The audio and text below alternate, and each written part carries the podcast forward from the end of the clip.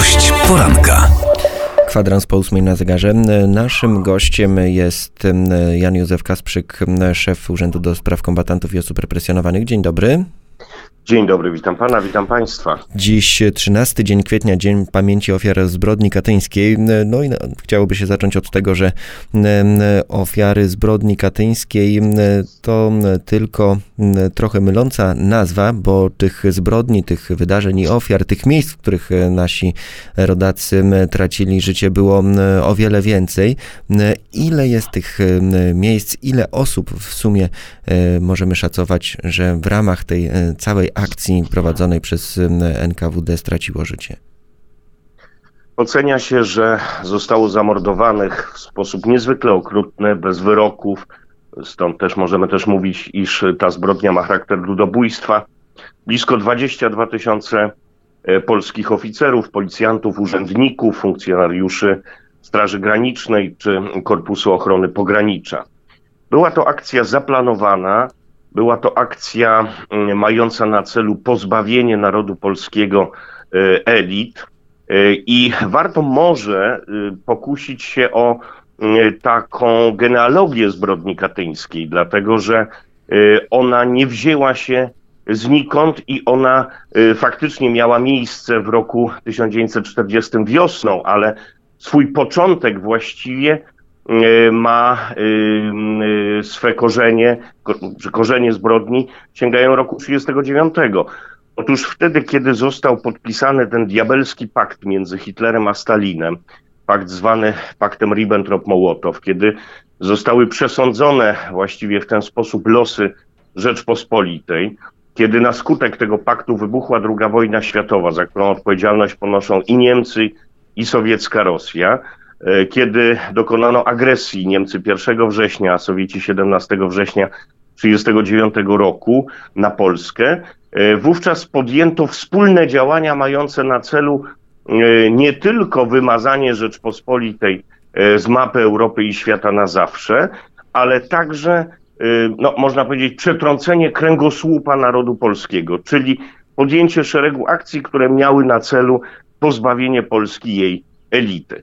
E, służyły temu między innymi wspólne narady, wspólne konferencje prowadzone przez Gestapo i NKWD, chociażby jesienią 1939 roku e, w Zakopanem. I proszę zwrócić uwagę, że strzały w Katyniu, które rozpoczynają się wiosną 1940 roku, odbywają się w tym samym momencie, w tym samym czasie, kiedy zaczynają się pierwsze egzekucje dokonane przez Niemców w Palmirach. A zatem możemy przyjąć, że była to akcja skoordynowana, że była to akcja, która przez obu naszych okupantów i agresorów miała ten sam cel i niestety w dużej mierze się powiodła. Polska została pozbawiona e, elity. Pamiętajmy, że wśród oficerów zamordowanych w Chatyniu, w Charkowie, w Miednoje, e, w Bykowni E, znaczna liczba to były e, osoby, które, byli, e, które były oficerami rezerwy Wojska Polskiego. Zostali zmobilizowani w roku 1939, ale w okresie II Rzeczpospolitej stanowili elitę nie tylko wojskową czy policyjną.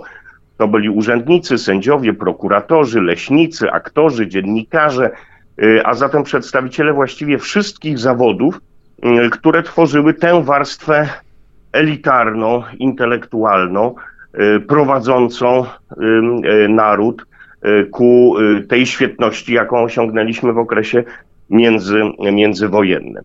A zatem zbrodnia ta przede wszystkim miała na, miała na celu położenie Rzeczpospolitej w sposób taki już prawdziwy i realny do grobu, tak aby nigdy się nie podniosła, tak aby nie miała swoich elit. Ten plan w jakimś sensie się powiódł, bo odbudowanie elity to jest praca na dziesięciolecia i do chwili obecnej można powiedzieć, że e, borykamy się z tym problemem, iż trzecia Rzeczpospolita nie ma tych wzorców elit z drugiej Rzeczpospolitej, bo te elity po prostu zostały e, zamordowane. Ale przetrwała pamięć i to dzięki tej pamięci o zbrodni katyńskiej przetrwaliśmy również jako naród przetrwał duch narodu. Jak pisał celnie Felix Konarski, refren, autor Czerwonych Maków, poeta, pamięć nie dała się zgładzić. Zamordowano 22 tysiące oficerów, ale nie zamordowano pamięci o nich i dzięki tej pamięci stanowiącej pewien punkt odniesienia przetrwaliśmy i trwamy dalej. E, ta zbrodnia była dokonana w bestialski sposób, strzałem w tył głowy, ale też okoliczności, w jakich polscy żołnierze, polscy oficerowie trafili do niewoli, też nadają tej całej sytuacji dramaturgii. E, wiemy, jak wyglądała sytuacja z wkroczeniem Sowietów do Polski 17 września. Wiązało się to z pewnym zamieszaniem, też nie wszystkie oddziały wiedziały, jak się zachować. No, były sytuacje, że po prostu nie podejmowano w ogóle walki e, z Sowietami od razu całe, całe oddziały trafiały do niewoli. Można przewrotnie trochę powiedzieć, że gdyby e, podjęto wówczas walkę, to może część tych osób ocaliłaby swoje życie. No, albo zginęła na polu chwały, to pewnie tak by, e, tak by było. No więcej szczęścia mieli ci oficerowie Wojska Polskiego, którzy trafiali do niewoli niemieckiej, bo oni najczęściej przetrwali wojnę i aż po 45 rok E, znajdowali się w oflagach. Ci, którzy trafili do niewoli sowieckiej i wiemy to przecież z pamiętników, które zostały w dołach katyńskich odnalezione, nigdy nie przypuszczali, że skończą w taki sposób, dlatego że y, nigdy w cywilizowanym świecie nie zdarzyło się, żeby na taką skalę wymordowani zostali jeńcy wojenni. Jeńcy to świętość, która e, objęta była też przecież przepisami prawa międzynarodowego. To tym bardziej potęguje Y, tragizm tej y, okrutnej zbrodni, y, która nie była przypadkiem, która, tak jak wspomniałem, była elementem szerszego planu i za którą odpowiada kierownictwo ówczesnej Rosji Sowieckiej, ponieważ dokument podpisany 5 marca 1940 roku przez przywódców sowieckiej Rosji nie pozostawia wątpliwości, iż nie była to jakaś akcja doraźna przeprowadzona przez lokalnych, mm, przez lokalnych funkcjonariuszy NKWD, tylko była to akcja ludobójstwa przeprowadzona na rozkaz osobisty Stalina, Mołotowa i tych wszystkich, którzy podpisali się pod rozkazem z 5 marca 1940 roku. O odkrycie tych masowych grobów zaraz zapytam. Chciałem jeszcze ten temat skąd czerpiemy informacje na temat tej zbrodni. Powiedział Pan o pamiętnikach, czy, czy w tych materiałach, czy w ogóle pojawia się w tych pamiętnikach, zapiskach, które pozostały po tych ofiarach jakiś taki cień sugestii, no bo w większości z nich taka po prostu relacja się urywa w pewnym momencie, ale czy jednak gdzieś tam pojawiały się takie sugestie, że, że to może się tak skończyć? Czy, czy byli jacyś uciekinierzy tak, z tych obozów, którzy o tym donosili? Czy wiemy mm, z innych źródeł na temat tej zbrodni, niż tylko po prostu z odkrytych grobów? Z pamiętników katyńskich, z notatek znalezionych przy zwłokach ofiar, absolutnie wyłania się obraz e, taki, jak wspomniałem. Oni, jako jeńcy wojenni, byli święcie przekonani, e, iż przetrwają czas tej zawieruchy wojennej, Y, tak jak no wielu z nich przecież było chociażby żołnierzami I wojny światowej czy wojny bolszewickiej, tak jak to było y, przez lata, y, przez lata wcześniejsze.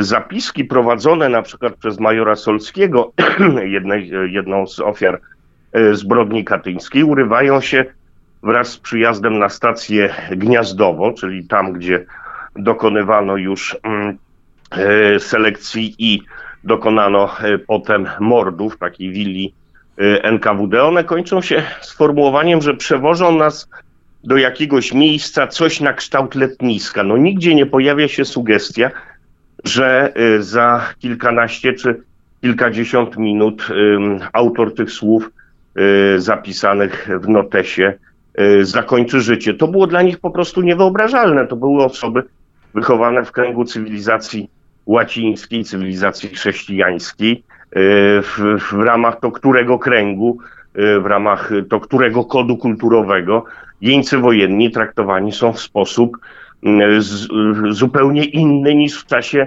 walki, walki frontowej. Jeńcom wojennym przysługuje po prostu możliwość pobytu w obozie jenieckim aż do zakończenia działań wojennych. Nikt nigdy na taką skalę przed Rosją sowiecką nie wymordował jeńców wojennych, a zatem świadomości tego, że jadą e, w te kolejne miejsca na śmierć absolutnie nie było. A czy wiemy coś o tych, którzy wykonywali wyroki, którzy no, podpisywali, tak, przy, przyklepywali te wyroki, bo tak jak pan powiedział, to był osobisty rozkaz Stalina. Tych, te wszystkie tryby tej machiny śmierci, którą Związek Sowiecki uruchomił właśnie przy tej okazji. No słusznie pan ujął to w sformułowaniu machina śmierci. Ona miała swój początek od rozkazu podpisanego 5 marca 1940 roku przez Stalina i pozostałych członków rządu Związku e, Sowieckiego i potem ten rozkaz e, szedł wykonawczo do e, poszczególnych oddziałów NKWD. Proszę zwrócić uwagę, jest to niestety przerażające, iż zbrodnia ta została dokonana w przeciągu no właściwie kilkunastu dni, a zatem ta machina była niezwykle precyzyjna. To to był kat, który dokonywał strzału w tył głowy. To był jego pomocnik, który podawał mu magazynek. To byli ci, którzy ładowali później mm, ciała ofiar do samochodów i wywozili do dołów śmierci. To była cała no, infrastruktura śmierci, która potem te doły zasypywała a zatem zaangażowanych w zbrodnię katyńską było bardzo, bardzo wiele osób. Niestety żadna z nich, poczynając oczywiście od samego Stalina, a kończąc na tych, którzy zasypywali doły śmierci, nie poniosła nigdy odpowiedzialności, dlatego że w dziejach świata niestety nie doczekaliśmy się Norymbergi dla komunistów. Doczekaliśmy się szczęśliwie po II wojnie światowej Norymbergi dla narodowych socjalistów niemieckich, Natomiast dla zbrodniarzy komunistycznych nigdy takiego sądu Trybunału Międzynarodowego nie było. I na taką Norymbergę w przypadku zbrodni komunistycznych yy, czekamy nadal. Dzień Pamięci Ofiar Zbrodni Katyńskiej obchodzony jest w rocznicę opublikowania przez Niemców w 1943 roku informacji o odkryciu w Związku Radzieckim grobów, masowych grobów oficerów Wojska Polskiego. Ale to był dopiero początek walki o, o pamięć o tych ofiarach. Niemcy odkryli te groby w 1943 i oczywiście tę zbrodnię próbowali wykorzystać e, propagandowo. E, natomiast równolegle z odkryciem grobów, opublikowaniem e, tych informacji ruszyła machina zakłamywania, fałszowania, manipulowania historii wokół tego, co stało się w Katyniu, dokonywana przez Sowietów. Zresztą Sowieci z ogromnym cynizmem podchodzili od samego początku do kwestii prawdy o Katyniu e, i czynili to w sposób naprawdę bardzo, bardzo planowy i umiejętny. Ja przypomnę taką rozmowę, jaka została przeprowadzona na Kremlu w 1941 roku w grudniu między Stalinem a generałem Sikorskim. Generał Sikorski wtedy przyjeżdża do Moskwy, ponieważ powstaje polska armia na wschodzie dowodzona przez generała Andersa, armia złożona z tych, którzy między innymi uniknęli szczęśliwie e, Katynia. E, I Sikorski zadaje pytanie wraz z Andersem, co się stało z tymi dwudziestoma tysiącami oficerów, którzy do tej pory nie pojawili się w punktach werbunkowych Armii Polskiej na wschodzie. I Stalin z rozbrajającym uśmiechem wspólnie z Mołotowem mówi, ale oni prawdopodobnie uciekli. Oni są chyba w Mandżurii. No nie ma chyba większego cynizmu, żeby prosto w oczy powiedzieć mm, y, takie, y, takie kłamstwo. No i później oczywiście to kłamstwo było powielane na różnorakie sposoby, łącznie z tym, że we wspomnianej Norymberdze w, to, y, w czasie procesu zbrodniarzy narodowo-socjalistycznych niemieckich próbowano tą zbrodnią obciążyć yy, również Niemców. To trwało na szczęście bardzo bardzo krótko, no bo materiał dowodowy był po prostu niezbijalny. No a później zaprawdę o Katyniu e, można było przez cały okres PRL-u e, trafić również do więzienia. Ta pamięć przetrwała przede wszystkim dzięki ogromnej pracy rządu polskiego na uchodźstwie, dzięki zaangażowaniu takich ludzi jak chociażby Józef Mackiewicz, który właściwie jest autorem fundamentalnej pracy dotyczącej zbrodni, e, zbrodni katyńskiej. Pamięć przetrwała dzięki ludziom, którzy tutaj w Polsce w ramach wydawnictw chociażby drugoobiegowych przypominali o tym, co w Katyniu się stało. Pamięć o Katyniu przetrwała też dzięki takim kapłanom jak ksiądz Stefan Niedzielak, zamordowany przez tak zwanych nieznanych sprawców w 1989 roku, a był on kapelanem rodzin katyńskich i twórcą takiego epitafium katyńskiego na warszawskich Powązkach. Czy dzięki takiej osobie, która przetrwała, y, czy wyszła cudem z tej zbrodni, myślę tu o księdzu rotmistrzu Zdzisławie Peszkowskim, który do końca swoich dni mówił o tym, iż pamięć o Katyniu jest jednym z fundamentów naszej zbiorowej tożsamości.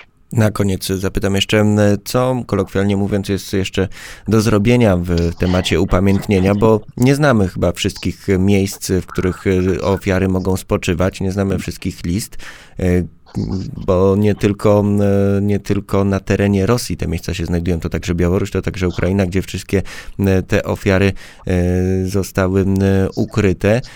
Ile jeszcze osób czeka na, na odkrycie, na upamiętnienie?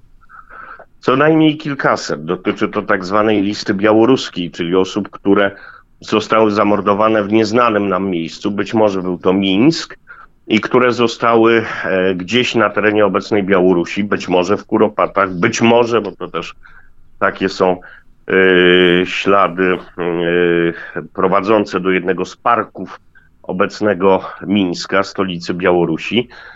To są jeszcze miejsca nieznane. Udało się w okresie III Rzeczpospolitej doprowadzić do zbudowania cmentarzy w Katyniu, Charkowie, Miednoje, Bykowni. Mm, udało się doprowadzić do e, stworzenia choćby w Warszawie wielu miejsc pamięci o Katyniu. Będziemy tam dzisiaj w tych trudnych warunkach epidemicznych, ale mm, pamięć e, musi trwać i epidemia nie zwalnia nas e, z obowiązku pamięci. Będziemy tam składać kwiaty, ale musimy też w wymiarze międzynarodowym o Katyniu, o Katyniu przypominać. Ja pragnę wspomnieć ze smutkiem, że przecież w ostatnim roku, między innymi w Twerze, decyzją władz rosyjskich została zdemontowana tablica, która upamiętniała mordowanych tam polskich mm, oficerów i funkcjonariuszy e, policji. A ponieważ w Rosji nic się nie dzieje bez przypadku, uzasadnienie sądowe do zdjęcia tej tablicy zostało opublikowane w tym roku, uwaga, 5 marca, czyli w rocznicę podpisania przez Stalina rozkazu o mm, e, wymordowaniu polskich elit. Walka o pamięć cały czas trwa, dużo jeszcze tutaj jest e, do zrobienia, a my zachęcamy i zapraszamy naszych słuchaczy do tego, żeby dziś pamiętać o tych wszystkich ofiarach i chociaż chwilę refleksji w tym temacie podjąć. Naszym gościem był szef Urzędu do Spraw Kombatantów i Osób Represjonowanych Jan Józef Kasprzyk. Bardzo dziękujemy za rozmowę. Dziękuję bardzo, kłaniam się. Siódma, dziewiąta. Gość poranka.